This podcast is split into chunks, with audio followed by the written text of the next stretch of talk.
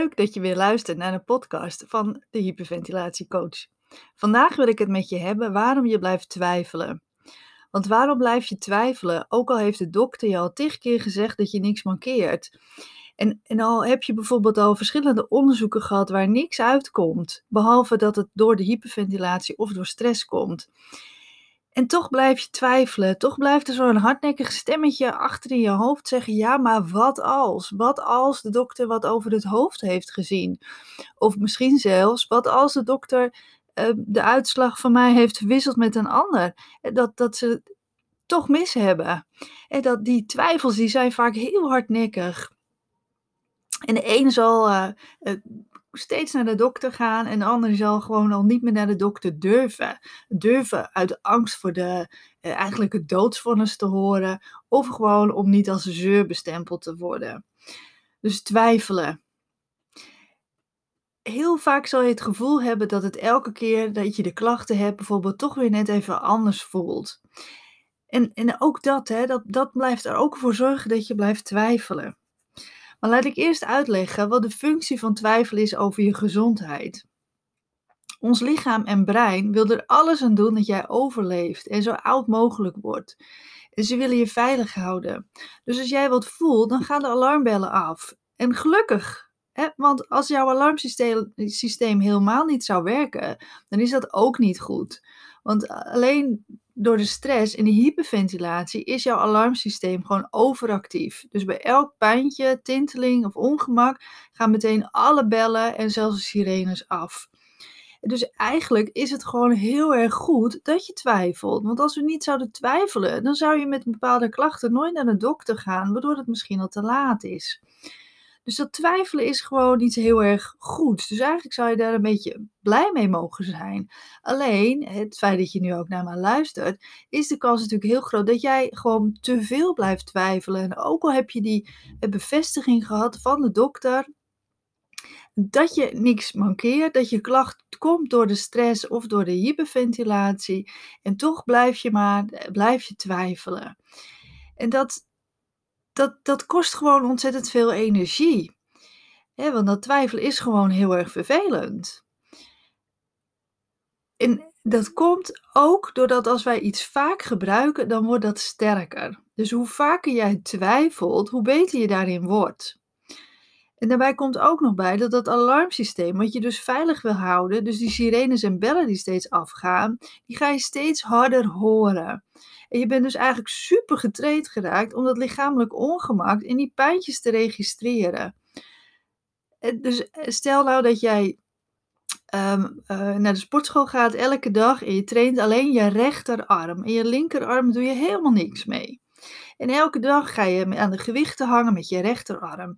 En die rechterarm wordt dus steeds sterker en sterker en sterker. En die linkerarm, ja, die, die wordt eigenlijk zwakker zelfs, omdat je die niet gebruikt. En zo is het dus ook met alles wat wij in ons brein heel veel gebruiken. En in dit geval noem ik dat dan de twijfelspier. En die, die, die, die ben je zoveel gaan gebruiken dat die heel erg sterk is geworden en heel dominant. En in de, de, die linkerkant, dus die, die linkerarm die je dan niet traint, dat is dus eigenlijk je geruststelspier. En dat deel van je brein die zegt, nou ja, dat pijntje, dat, uh, dat komt gewoon omdat je verkeerd hebt gezeten. Of dat komt gewoon daardoor. En die is dan gewoon verzwakt. En, en zo mag je dat eigenlijk een beetje zien. Hè? Doordat je het zoveel bent gaan twijfelen, word je daar steeds beter in. En daarbij, uh, uh, ja, wat ook meespeelt, is dat je het eigenlijk lichamelijke pijn en ongemak vergeet. En dat is, dat is ook iets heel moois van ons lichaam. Want negatieve ervaringen die worden afgezwakt in ons bewuste waarneming.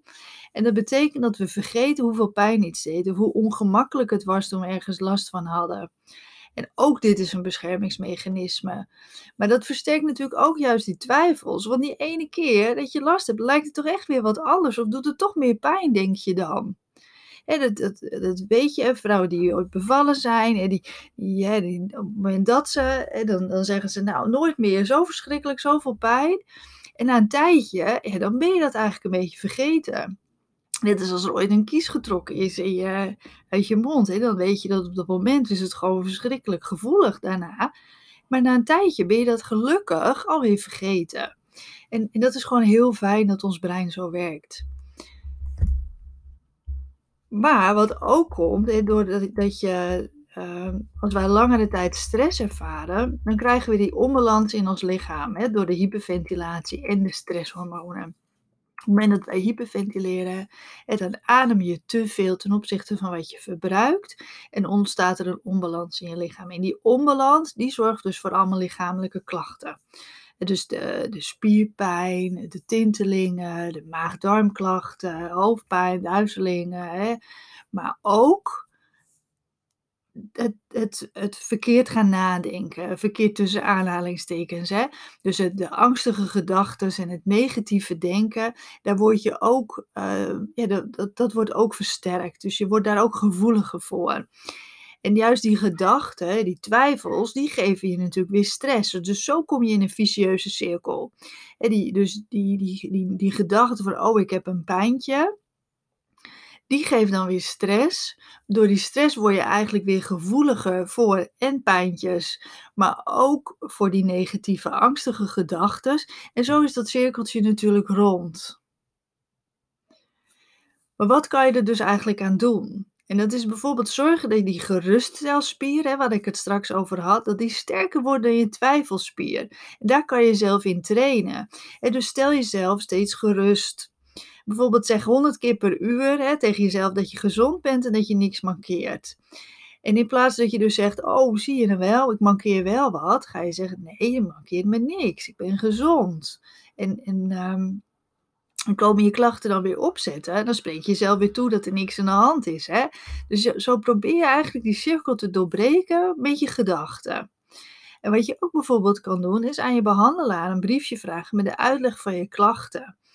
En dat als extra ondersteuning kan je dat dan lezen als je twijfelt. Hè? Dus de uitslag van bijvoorbeeld een onderzoek wat je hebt gehad, print dat uit. Of vraag bijvoorbeeld aan je dokter of aan je therapeut dat die het eventjes in, normale mensentaal opschrijft.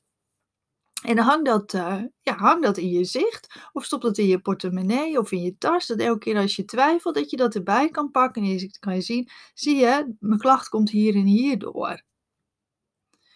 En wat ook bijvoorbeeld is, is dat je als je bijvoorbeeld heel veel uh, spierspanning hebt, en probeer dan bijvoorbeeld voor jezelf die, dat verband te gaan liggen, te leggen met die spierspanning, of bijvoorbeeld de verkeerde houding, met de pijn die je hebt. Heb je bijvoorbeeld veel last van je borstkas, dat je dan uh, gaat proberen dat patroon te doorbreken door de, de, oorzaak voor jezelf te gaan herkennen en dan dat verband te gaan leggen. Maar ik heb heel erg in elkaar gezeten en vandaag, omdat ik heel gespannen was, en daarom heb ik nu wat meer uh, druk op mijn borstkas bijvoorbeeld.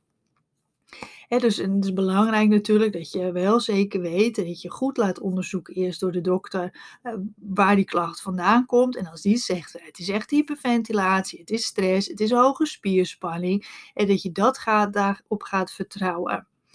En bijvoorbeeld kan je een tijdje een dagboek bijhouden, dat je wat meer inzicht krijgt in die patronen.